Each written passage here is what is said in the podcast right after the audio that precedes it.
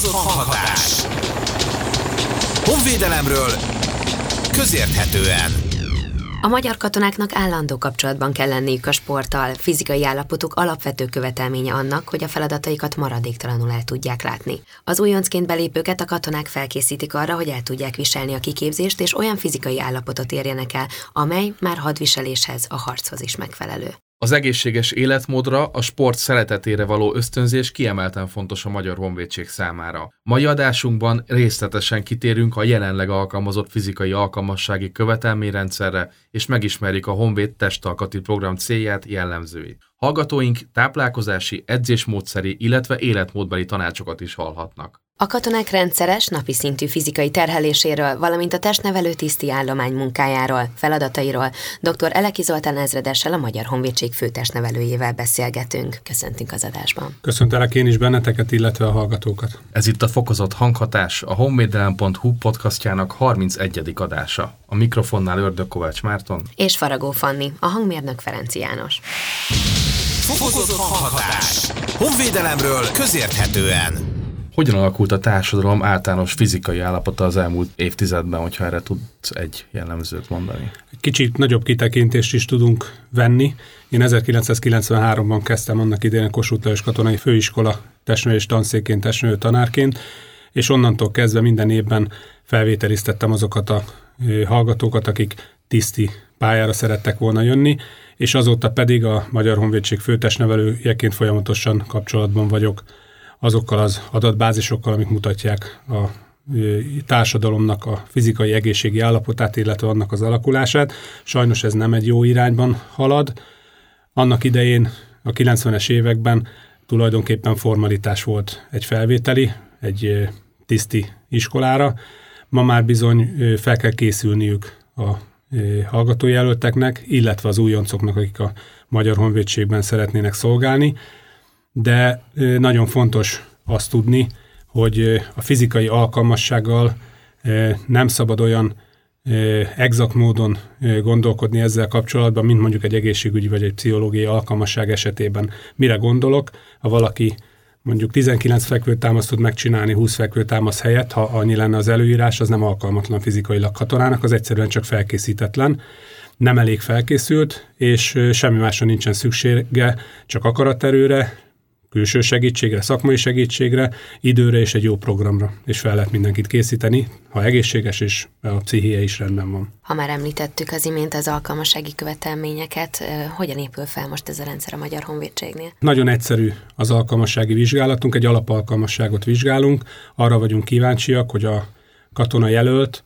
képes-e annak a fizikai terhelésnek az elviselésére, ami a kiképzés során vár rá, és tovább tud-e fejlődni, és el tud érni egy olyan szintet, amivel ő már a szolgálatát el tudja látni, illetve egy bevetés során ő túl tudja élni azt a bevetést.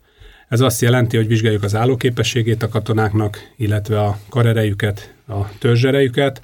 Ez három olyan jellemző, hogy egy 3200 méteres futásról beszélünk, két perc fekvőtámaszban karhajítás, két perc felülés, a fekvőtámasz helyett egyébként a húzóckodást is lehet választani, ezzel a három számmal nagyon gyorsan, nagyon kevés feltétel mellett meg tudjuk állapítani, hogy megvan ez az alapképesség. Férfiaknál és nőknél eltérő? Igen, férfiaknál és nőknél, illetve életkor szerint is különböző követelményszintek vannak, hiszen figyelembe kell vennünk azokat az élettani biológiai különbségeket, ami az életkor vagy a nemek között megtalálható. Ugyanakkor van egy olyan szint, már a harcoló szint, ahol viszont a lövedék az nem nézi meg, hogy férfival vagy nővel van dolga, tehát van egy olyan kiképzési követelmény, ami már nem alkalmassági követelmény, aminél már nem teszünk különbséget férfiak és nők között, vagy öregek és fiatalok között, azt a beosztást azzal lehet ellátni, akinél biztosak vagyunk, hogy túl is fogja élni azt a bevetést az adott körülmények között. Milyen tapasztalatok vannak a bevonulók fizikai állapotával kapcsolatban, és észrevehető-e azért ebben gondolom egyetértés van közöttünk, hogy az elmúlt évtizedekre egyfajta mozgásszegény életmód jellemzi a társadalmat. Ennek vannak-e nyomai a bevonulók között? Igen, sajnos a mozgásszegény életmódnak a hatásai azok nem pozitívak, nem csak a fizikai állapotra, hanem az egészségi állapotra is, tehát innen is javaslom minden fiatalnak, hogy szállja rá az időt, és rendszeresen sportoljon, nem csak akkor, ha katona akar lenni, hanem egyszerűen csak egy egészséges felnőttkort szeretne megélni. A tapasztalatok azok, hogy a jelentkezőknek a nagy része rendelkezik azzal az alappal, amivel meg tudja kezdeni a kiképzést. Egyébként a jelenlegi rendszerben, ha egészséges és pszichésen rendben van, és a fizikai állapota véletlen nincs rendben, akkor is felvesszük, és megadjuk neki a lehetőséget, hogy a mi kiképzésünk során felkészüljön és felkészítsük arra a fizikai állapotra, amire már azt mondjuk jelenleg, hogy ez az alkalmassági követelmény. De ennek ellenére nagyon sokat kell dolgozni a kollégáimnak azon, hogy olyan programok legyenek, és azok úgy végre is legyenek hajtó, hogy ezek a fiatalok tényleg elérjék a szükséges szintet. Mi az oka ennek a mozgás szegény életmódnak, hiszen hogyha mondjuk a tanterveket nézzük, azért a testnevelés óraszáma az minden ö, iskolában, minden ö, korosztályban megnőtt, tehát megemelték. Ez egy nagyon jó kezdeményezés, hogy a mindennapi testnevelésre próbálják rábírni a fiatalokat, illetve a feltételeket ehhez biztosítani. Természetesen ehhez még majd tornatermekkel, tanári állományjal, edzői sport szakember állományjal is fel kell vértezni magunkat a megfelelő módon, de ez mindenképpen előremutató lesz, és én úgy remélem, hogy egy 5-10 éven belül ennek érezni fogjuk a hatását. Ha más nem csak szinten tudjuk tartani, és a, a csökkenést tudjuk megállítani, már ez eredményes lehet. Ugye bevezettek egy NetFit rendszert, amivel mérni lehet a fiataloknak, az iskolás korúaknak az általános fizikai állapotát, ami megint egy jó visszajelzés a tendenciákra vonatkozóan, és megerősítés lehet arra, hogy igen, foglalkozni kell a fiatalokkal, rá kell őket bírni, hogy járjanak edzésre, illetve a testnőrés foglalkozásokon vegyenek részt aktívan. Milyen foglalkozásokból áll maga a kiképzés, milyen mozgásformákat alkalmaztok? A kiképzés során van egy általános mozgásanyag, amit az alapkiképzés, illetve az első időszakban megkapnak a fiatalok. Ennek a központi vonalában a kondicionális képességek fejlesztése van, tehát állóképességet, erőt, gyorsaságot fejlesztünk, később aztán áttérünk a koordinációra, ügyességet fejlesztünk. A következő nagy szelet az az akadály elemeknek a leküzdése. Nem beszélek akadálypályáról, mert itt mindenféle természetes és mesterséges akadályokkal találkozhat a katona, és az a lényeg pont, hogy bármilyen váratlan akadály esetén is legyen a múltjában olyan tudás, amivel egy hasonló akadályt már leküzdött, és tudja, hogy hogyan kell ezt megtenni. Ugye ez technika kell, kell hozzá egy nagyon jó alapálló képesség, kell, a saját testét el kell bírni a katonának, ahhoz, hogy ezeken az akadályokon áthaladjunk. Gondoljunk itt arra, hogy egy lakott területen különböző romok között való mozgásnál is, vagy egy kerítésen való áthaladásnál, egy árkon való áthaladásnál nagyon fontos. Tapasztalatunk az is visszatérve még ehhez az akadály pályához, hogy vannak olyan fiatalok, akiknek esetleg az is problémát jelenthet, hogy a megfelelő módon felmásszanak egy terrautóra, leugorjanak róla, lefeküdjenek harcos helyzetbe, vagyis hasonfekvésbe, onnan gyorsan fölálljanak, esetleg fegyverrel a kézbe, esetleg ezt egy egyenetlen talajon. Ha már az egyenetlen talajnál járunk, a járás egyenetlen talajon szintén egy fontos dolog, hogy a sérülés nélkül, illetve megfelelő gyorsasággal, hatékonysággal át tudjon valaki haladni. Plusz egy teljes felszerelés is. És a felszerelése is, ami ugye plusz súlyt jelent neki, és az egyensúlyát is befolyásolja. A harmadik nagy tárgykör, amilyen általános, az a katonai közelharc. Itt a katonákat megtanítjuk a testest elleni küzdelem alapjaira, aztán utána, ha olyan beosztásba kerül, ahol ennél magasabb szinten kell ezzel foglalkozni, akkor meg fog kapni egy ennél magasabb szintű képzést is. Ha már a specialitásokhoz elérünk, akkor pedig rendkívül változatos az a mozgásanyag, amikkel foglalkozni kell. Gondoljunk itt akár a vízi kiképzésre, ahol meg kell tanulni biztonságosan úszni, különböző vízi akadályokat leküzdeni, meg kell tanulni menetelni, hegyi kiképzés, vagy akár a légierő számára szintén egy speciális testnövés kiképzéssel találkozhatunk. Ezen kívül vannak olyan kiegészítő tárgyköreink is, tárgyköröknek hívjuk ezt a kiképzésnél, amik egy-egy adott beosztás számra, egy-egy adott feladat számára lehetnek érdekesek, illetve olyan tárgykörök, amikkel a rekreációt, a mozgás örömét próbáljuk elültetni, tehát lehet, hogy egy egyszerű sportjáték foglalkozás is szerepel ugyanúgy, ahogy egy testnevelés órán. Fokozott hanghatás. Honvédelemről közérthetően. Általánosságban pedig, amikor már ugye ez a felké- felkészítés végén járnak az emberek, tehát aktív állományúak, ö, számukra minden nap biztosított egy bizonyos ö, időintervallum, vagy egy, ö, egy, egy óra, vagy két óra arra, hogy a testnevelést, tehát hogy szinten is tartsák ezt a fizikai? Igen, vannak olyan rendszeres, a kiképzési foglalkozásokon kívüli foglalkozások, melyekkel szeretné a, a Magyar Honvédség vezetése támogatni a katonákat, hogy a fizikai állapotukat a megfelelő szinten tudják tartani, illetve a megfelelő szintet tudják hozni. Ilyen például, hogy minden munkanap, minden szolgálati napon reggel fél nyolctól fél kilencig a katonák sportolnak. Ezek általában közös foglalkozások, de egyéni foglalkozások is lehetnek, és minden alakulat legalább havonta egyszer tart egy alakulatfutást, ahol a saját parancsnoka áll az élen, példát mutatva, és az alakulat együtt futja le azt az adott távot, amit kijelöl nekik a parancsnok. Itt nagyon sokszor egyébként a Magyar Önökség parancsnok és a miniszter úr is részt szokott venni ezeken a futásokon. Ez én úgy gondolom, hogy nagyon fontos a katonának, hogy lássa, hogy a saját vezetői is ugyanazon az úton haladnak, és ugyanolyan fontosnak tartják a fizikai állapotot, és példát mutatnak a katonáknak. Ugye a Honvéd Kadét program során azért alaposabb fizikai felkészítést kapnak a kadétok. Ennek a pozitív hozadékát érzik-e esetleg már a szerződéses katonák között? Igen, mindenképpen. A kadét program nagyon sok új fiatalt irányított a pályára, és mutatta meg azt, hogy ez egy lehetőség, egy karrier lehetőség, egy életpálya lehetőség.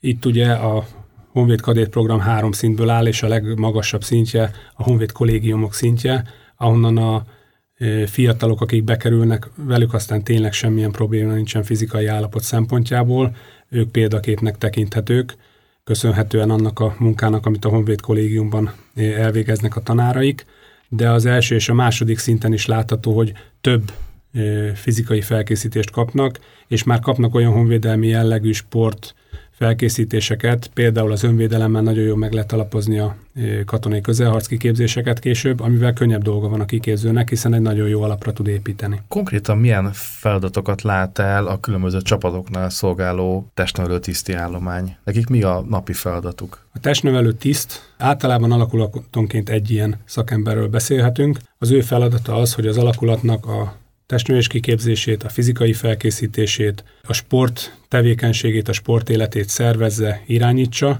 Nagyon fontos, hogy a legtöbb helyőrségben van Honvéd Sportegyesület, akivel együttműködve ezt nagyon szépen meg lehet oldani, és azokat a feltételeket lehet biztosítani. Rengeteg sportág van, amiben a katonák kipróbálhatják magukat egyesületi körülmények között. Emellett a testnőtiszt az, illetve azok az artisztek, akik rendelkeznek olyan előképzettséggel, ami fizikai felkészítéshez szükséges. Ők segítenek az állománynak abban, hogy edzéstervekkel, felkészüléssel, illetve preventív mozgásokkal, rehabilitációs mozgásokkal, ha véletlen sérült valaki vagy beteg volt, akkor újra formába hozzák, vagy ha épp egy magasabb szintet szeretne elérni, akkor segítenek abból, hogy ezt el tudják érni. Külön foglalkozásokat is tartanak a szükséges. Itt megint a Honvéd Sportegyesetek azok, akik be tudnak segíteni, és a tömegsport idejében délután a saját edzői gárdájukat is biztosítani tudják ahhoz, hogy megfelelő szakmai anyagot kapjanak a kezükbe a fiatalok, amit csak végig kell csinálni. Ha már sportegyesület, hogyan jellemezni a Magyar Honvédség és a Budapesti Honvéd Sportegyesület együttműködését kapcsolatát? Gondolok itt akár már a Honvéd testalkati programra is. Ez mindenképpen egy stratégiai partnerség. A Budapesti Honvéd nagyon régóta ott van a Magyar Honvédség mellett, sportolókat ad a Magyar Honvédségnek, katonákat ad a Magyar Honvédségnek, illetve segíti azt a fajta sportfelkészítést, amit a katonák számára biztosítunk. Ebben a sportversenyek nagy szerepet játszanak, illetve a budapesti honvédnek azok az élsportolói, akik ikonként odaállíthatók a katonák elé, ők is példát tudnak mutatni, és ösztönözni tudják őket a mozgásra. A Magyar Honvédség amúgy saját keretein belül is folyamatosan törekedik a, a saját sporteseményekre, hogy minél több ilyet rendezzenek meg. Gondolok itt akár a járőrbajnokságra, futóversenyekre. Egy pár ilyet tudnál nekünk mondani? Három szinten zajlanak a versenyek, vannak a kiképzési versenyeink, ezek mezei futás, lövészet, járőr és katonai háromtusa versenyszámokban zajlanak. Ezek mind, ahogy hallhatják a hallgatók, ezek speciális versenyek, ezekkel a mezei futáson kívül nem nagyon találkozunk. Ugye a lövészettel igen, de a lövészetnek egy speciális szabályrendszerét alkalmazzuk. Ezután vannak a kiképzés támogató versenyek, amelyek egy kicsit jobban illeszkednek a civil sportélethez, de mégis a honvédségi tudást, a katonai tudást támogatják. Ilyen például az önvédelmi versenyek, küzdősportversenyek, kifejezetten a katonai közelharcverseny, de akár egy atlétikai jellegű versenyt is hozhatok példának. Különböző túlélő versenyek, 54-es kihívása lesz most például nem sokára Veszprém környékén, vagy bocskai portja, egyéb versenyek, amikkel teljesítményeket tehetnek le az asztalra a katonák, kipróbálhatják saját magukat, versenyezhetnek. A harmadik szint pedig a szabadidős versenyek, ahova aztán a labdajátékoktól kezdve a dárcig, sakkig minden belefér. Itt már az a lényeg, hogy próbáljunk egy minél szélesebb, színesebb spektrumot mutatni a katonáknak, hogy mindenki találjon valami olyan versenyt, amiben jól érzi magát.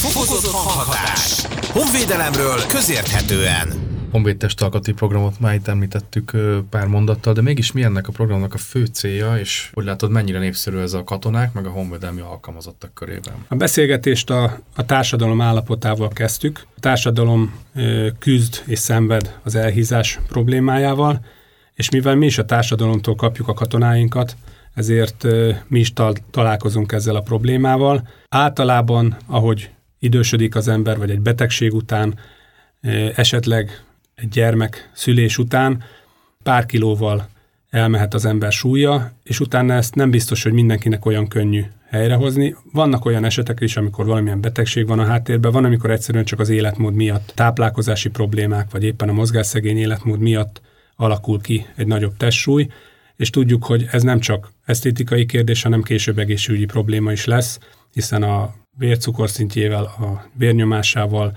a mozgásszerveivel problémája lehet később annak, akinek nagyobb túlsúlyt kell elviselnie. Emellett természetesen el is várja a társadalom a katonáktól, hogy kívülről is mutassák azt, hogy ők felkészültek, kiképzettek, és ez hozzá tartozik, hogy egy egészséges sportos testalkatot tudjunk mutatni a társadalomnak. Ezért is tartottuk fontosnak, hogy ne csak követeljünk a katonáktól, hanem segítsünk nekik, és az egészségügyi központ, Magyar Honvédség egészségügyi központ szakemberei, dietetikusok, sportszakemberek, orvosok, pszichológusok összedugták a fejüket, és kialakítottak egy olyan programot, amit ingyen adunk a katonáknak.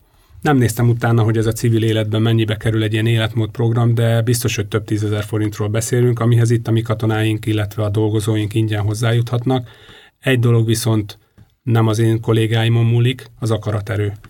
Tehát nagyon fontos, hogy azok, akik megkeresik az egészségközpont munkatársait, és ugye most egy nagyon szép helyszínen a Budapesti Honvéd sportobjektumában is megtalálhatják őket, azt a fajta tanácsokat, programot, azt próbálják meg minél nagyobb mértékben végrehajtani, azért, hogy eredménye is legyen ennek. Sportszakmai támogatást kapnak akkor végül is, tehát úgy az életmódi tanácsok, és akár egy, egy ez, fogalmazhatunk úgy, mint egy edzésterv? Ez egy edzéstervnél sokkal komplexebb dolog. Először is egy felméréssel kezdődik az egész program, ahol megnézik azt, hogy van-e bármilyen olyan egészségügyi probléma, ami az elhízás hátterében áll, mi az az életmód, amit folytat az illető, milyen az ő lelki állapota, a személyisége, mennyire várható tőle, hogy ő saját maga végig tudja csinálni ezt a programot, és utána megszületik az a fajta tanácsadás, ami egyrészt a táplálkozásra vonatkozik, másrészt a fizikai aktivitásra. És rendszeresen vannak konzultációk, amikor megnézzük, hogy hogyan fejlődött az illető, és ha kell, akkor módosítunk a programon. Az biztos, hogy még a belügyminisztérium is érdeklődött ez, ez iránt, és átvette ezt a programunkat, illetve küld dolgozókat, rendőröket a programba, hiszen látható volt az eredménye. Az nagyon fontos, hogy körülbelül 3-6 hónapot rá kell szánni. Tehát ez nem az a program, amire ha bemegyek, és egy hét után újra ráállok a mérlegre, akkor elégedett leszek. Ez egy komoly munka.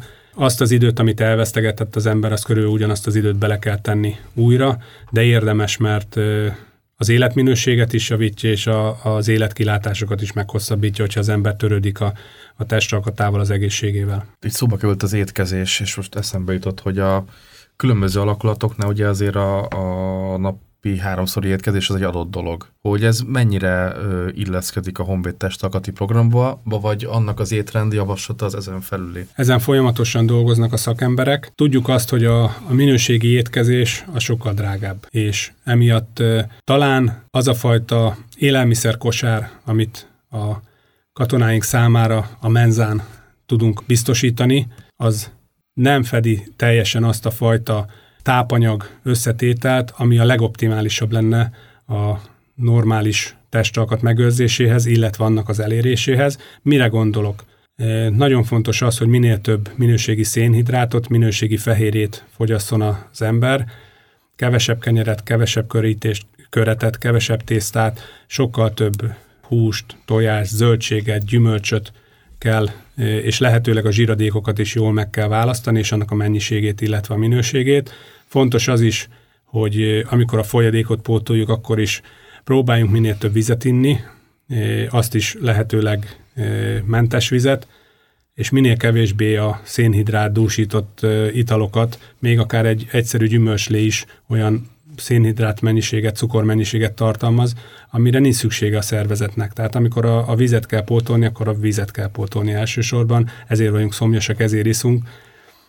Nagyon sok olyan felesleges kalóriát tudunk bevinni a folyadékkal is, amire nem is gondolunk. Ha jól tudom, 7 évvel ezelőtt indult el ez a program, azóta mik, mik az eredmények, tudunk esetleg számokat mondani? Sajnos volt egy nagyon rossz időszak, ugye a pandémia, amikor a közvetlen kapcsolat nem volt olyan könnyen fenntartható, és itt gyengültek is emiatt a kapcsolatok, de aki végigcsinálta azt a legalább három hónapot, de inkább hat hónapot, annál mindenkinél pozitív változások voltak, jelentős, drasztikus pozitív változások, tényleg az a szakember állomány, aki mögött áll, az garancia arra, hogyha valaki hisz nekik és elfogadja a tanácsaikat és végrehajtja, akkor tapasztalni fogja magán a változásokat. Biztos volt olyan is, aki, aki feladta. Igen, igen. Általában én úgy tapasztalom, sokat beszélgettünk erről a e, kollégákkal, hogy e, sokkal több napi támogatásra lenne szükség ezeknek a érintetteknek a támogatásához. Ugye eljönnek, megtörténik a vizsgálat, megkapják a programot, utána van rendszeres kontroll. Ez egyfajta de ellenőrzés? Én inkább motivációnak nevezném, uh-huh. de gondoljunk bele, hogyha valaki Debrecenből eljön Budapestre, akkor nem tud olyan gyakran kapcsolatot ö, létesíteni a szakemberekkel. Ezen egyébként gondolkozunk, hogy ezt terjesszük ki országos hálózattá, és erre meg is van a támogatása az előjárók részéről, hogy lehetőleg most már regionális centrumokat is hozzunk létre, aztán ha lehet, jussunk el odáig, hogy minden helyőrségben ott legyen kéznél ez a program, és a programnak a, az aktivátorai, a mentorai. Én azt hiszem, hogy ez sokat dobna még a, a lehetőségen. Egyébként nem árulok el titkot, hogy az előjárónak az a szándéka, hogy ezt a Honvéd testalkati ajánlást, amivel most ugye minden évben felmérjük a, fiat, a katonákat testalkat szempontjából is, és jelezzük nekik, hogyha nem megfelelő. Ezt egyfajta követelményi alakítsuk át, aminek semmi más következménye nem lesz, mint annyi, hogy megmutatjuk nekik a programot, és ösztönözni fogjuk őket arra, hogy kapcsolódjanak be a programba, és kezdjék el azt a fajta életmódváltást, amivel ők vissza tudnak térni egy egészséges állapotba. Fokozott hanghatás. Honvédelemről közérthetően. Ugye a Magyar Honvédség soraiban nagyon sok ö, olimpiai bajnok, világ és Európa bajnok sportoló megfordul, gondolok itt például a sportszázadra, vagy itt leginkább rájuk, hogy kiket tudnak kiemelni, vagy tudna említeni pár ö, sportolót, akire igazán büszkék lehetünk. Nagyon fontos az, hogy ezek a sportolók, akik a sportszázadban vagy a sportszázadon kívül is tevékenykednek, ők olyan lelki alkattal, olyan elhivatottsággal, olyan akaraterővel, olyan fegyelemmel, olyan hazaszeretettel, mm, példás életmóddal tevékenykednek, amit a katonáinkra is jellemző. És nekünk ez egy megerősítés, hogyha ők is szívesen vannak közöttünk, szívesen válnak, vállalnak szolgálatot, végrehajtják a kiképzéseket, felhúzzák az egyenruhát, és nem mellesleg a saját tudásukkal akár egy kiképzést még hatékonyabbá, színesebbé tudnak tenni. A sportszázadon belül több olyan versenyzőnk van, aki világ és olimpiai bajnoki vagy, vagy magas szintű eredménnyel rendelkezik. Mindenki emlékszik a Tokiói olimpiára, ahol Lőrinc Viktor olimpiai bajnok lett, testvére Lőrinc Tamás ezüstérmes lett, illetve Lőrinc Tamás a katonai világjátékokon is győzedelmeskedni tudott. Siklósi Gergely, világbajnok vívónk, aki az olimpián ezüstérmet szerzett. Kovács Sorolta olimpiai öttusázó, aki bronzérmes lett, illetve Hosnyánszki Norbert, aki a bronzérmes vízilabda csapat tagja volt. Ő egyébként olimpiai bajnok is. Ezen kívül nagyon sok olyan sportolónk van, aki magas szintű eredményeket ért el, akár triatlon, akár öttusa, akár más sportágat említhetnék, és kilépve a sportszázadból vannak olyan sportolóink is, akik katonaként lettek élsportolók, és katonaként érték el ezt az eredményt. Például Tatán dolgozik Rót Balázs őrnagyúr, vagy az egészségügyi központnál dr. Svéd Amelita őrnagyasszony, ők triatlonban szereztek komoly érmeket, katonai világbajnok, illetve egyéb érmeket, amivel azt hiszem, hogy abszolút példamutató az, amit tesznek, és Rót Balázs egyébként testnevelő tiszt is, ő, ő most már ugyan a teljes kiképzéssel foglalkozik, de még mindig a testnevelést viszi a tatai bázison, és nagyon sok olyan tudáselemet épített be a, a tatai kiképzésbe, amit ő a saját sportágából, illetve a saját sport életéből hozta. Ha jól tudom, ő egy csomó sportversenyen ö, kiemelkedően teljesít, és, és nehéz legyőzni. Hát nem tudnám felsorolni, hogy hányszoros hadseregbajnok és hány sportákban, abszolút példaképe lehet az összes testnövelőnek. Ha már róla beszélünk, és ugye kérdeztétek egy alkalommal, hogy mivel foglalkoznak a testnevelők, azt is tudni kell, hogy a testnevelők emellett az általános kiképzésbe is nagyon komoly feladatokat vállalnak, tehát nem nincsenek most már olyan izolált, szeparált testnevelői feladatok, hanem a testnevelőre amellett nagyon sok szerepben lehet számítani, és nagyon komoly munkát végeznek. Mi lehet annak az oka, hogy most itt a felsoroltak alapján csoportsportot, űző, ugye csak a Hosnyánszki Norbert, aki vízilabdázó, meg labdajátékot űző, a többiek mind olyan sportágot űznek, ami azért valamilyen szinten kötődik a katonasághoz, nem? Ennek van valami különleges oka, vagy ez a véletlen? Nem voltak ilyen válogatási elvek, de amikor a Magyar Honvédség is keresre azokat a sportolókat, akikre számíthat, akiket példaként állíthat, akkor olyan sportágakban keresett leginkább, ahol a honvédséghez köt, hasonló katonai mozgásokhoz hasonló, gondoljunk csak egy öttusára, egy lövészetre, vívásra, birkózásra, judóra, bármelyik sportágra. Ez mind köthető a kiképzéshez, köthető a testneveléshez, a sporthoz, ami biztos, hogy szempont volt annak idején, hogy miért ezek a sportolók kapták meg a lehetőséget, hogy szolgálhassanak katonaként. Azt is szeretném kiemelni, hogy amellett, hogy ők a élsport űzése mellett példát mutatnak, és egy plusz feladatot vállalnak, emellett, amikor befejezik a szolgálatukat, akkor nagyon sokan közülük, a többségük, a szeretne maradni. És nagyon jó példák vannak arra, hogy ők beilleszkedtek a honvédségbe, és emellett, hogy nekünk segítenek, amellett számukra is egy egzisztenciális biztonság, hiszen egy sportolói karrier után tovább tudnak vinni egy olyan biztos karriert, amiben jól érezhetik magukat és megtalálják a számításokat. Akiket említettünk, hogy nagyon szép sporteredményeket értek el, legtöbbük esetében már ugye kiskorban, fiatalkorban megindult ez a, a sport iránti szeretet, és akár egy sportág iránt. A honvédelmi táborokban, ahol ugye egészen fiatalon érkeznek a gyerekek és nagy népszerűségnek örvend, ott is gondolom jelen van ez, ez a fajta ösztönzés részünkről. Igen, a honvédelmi táboroknak az egyik fő témája az a sport. Mozgatjuk a fiatalokat, terepen vannak, szabad levegőn vannak, reggel van egy kis reggeli torna ébresztés után, egész nap ö, valamilyen olyan mozgásos tevékenységet végeztetünk velük, amivel szeretnénk kimozdítani őket abból a ö, virtuális világból, amiben ö, mozognak. Az első nap a táborba elkérjük a telefonjukat azért, hogy ne törjön el, és naponta egyszer szokták megkapni azért, hogy nézzék meg, hogy mi újság a barátokkal, a szülőkhöz jelentkezzenek be, és az a tapasztalat, hogy a harmadik napon már a szülő hív minket, hogy nem jelentkezett be a gyerek, mert nem is jön oda a telefonjáért, tehát nagyon gyorsan rájönnek arra, hogy milyen sok érdekes dolgot lehet csinálni, amikor az ember a gyakorlatban mozgásos tevékenységeket végez. És hát a sport köré pedig odaépítjük azokat a foglalkozásokat, amiből olyan tudást szerezhetnek a fiatalok, ami a mindennapi életben is fontos lehet. Egy egészségügyi, egy elsősegélynyújtás, egy baleseti helyzetben egy biztosítás, hogyan kell segítséget hívni, stb. Tájékozódás a terepen, túlélés, hogyha valaki eltévedt, hogyan tud magának vizet szerezni, élelmet szerezni. Én azt hiszem, hogy ez nagyon sok, fontos minden fiatal számára, és amellett, ha egyszer majd valaki úgy dönt, hogy katona lesz, akkor ezek megint olyan alapok lesznek, ami eszébe fog jutni, és sokkal könnyebben fogja venni utána az akadályokat honvédelmi tárcának és a, magának a honvédségnek a vezetői is ö, nagy erőkkel vannak azon rajta, hogy a sportos életmódot népszerűsítsék, ez ugye a közösségi média tartalmában is megjelenik, meg hát a valóságban is.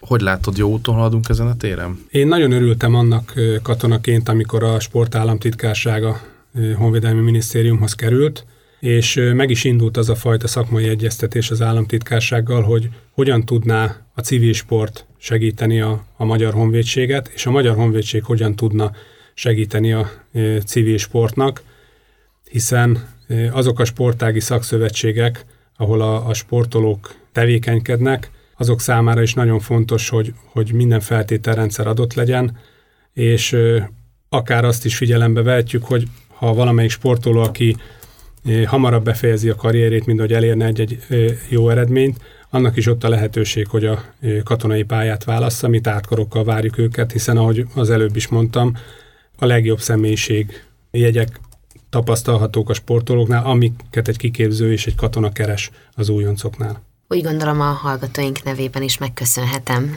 nektek, hogy azon, azon fáradoztok, hogy a magyar nemzet sportoló nemzet is legyen. Köszönjük szépen Leki Zoltán ezedesnek, a Magyar Honvédség főtestnevelőjének, hogy bemutatta nekünk a Magyar Honvédségnél folyó fizikai képzéseket, képzési formákat és a Honvéd testalkati programba is betekintést nyertünk. Valamint köszönjük nektek, hogy velünk tartottatok, amennyiben tetszett az adás, akkor iratkozzatok fel a Fokozott Hangatás Spotify csatornájára, de megtalálhattok minket a Magyar Honvédség YouTube csatornáján, valamint a honvédelem.hu weboldalon is.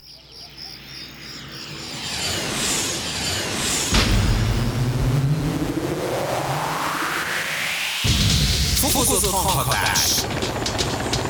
Honvédelemről közérthetően.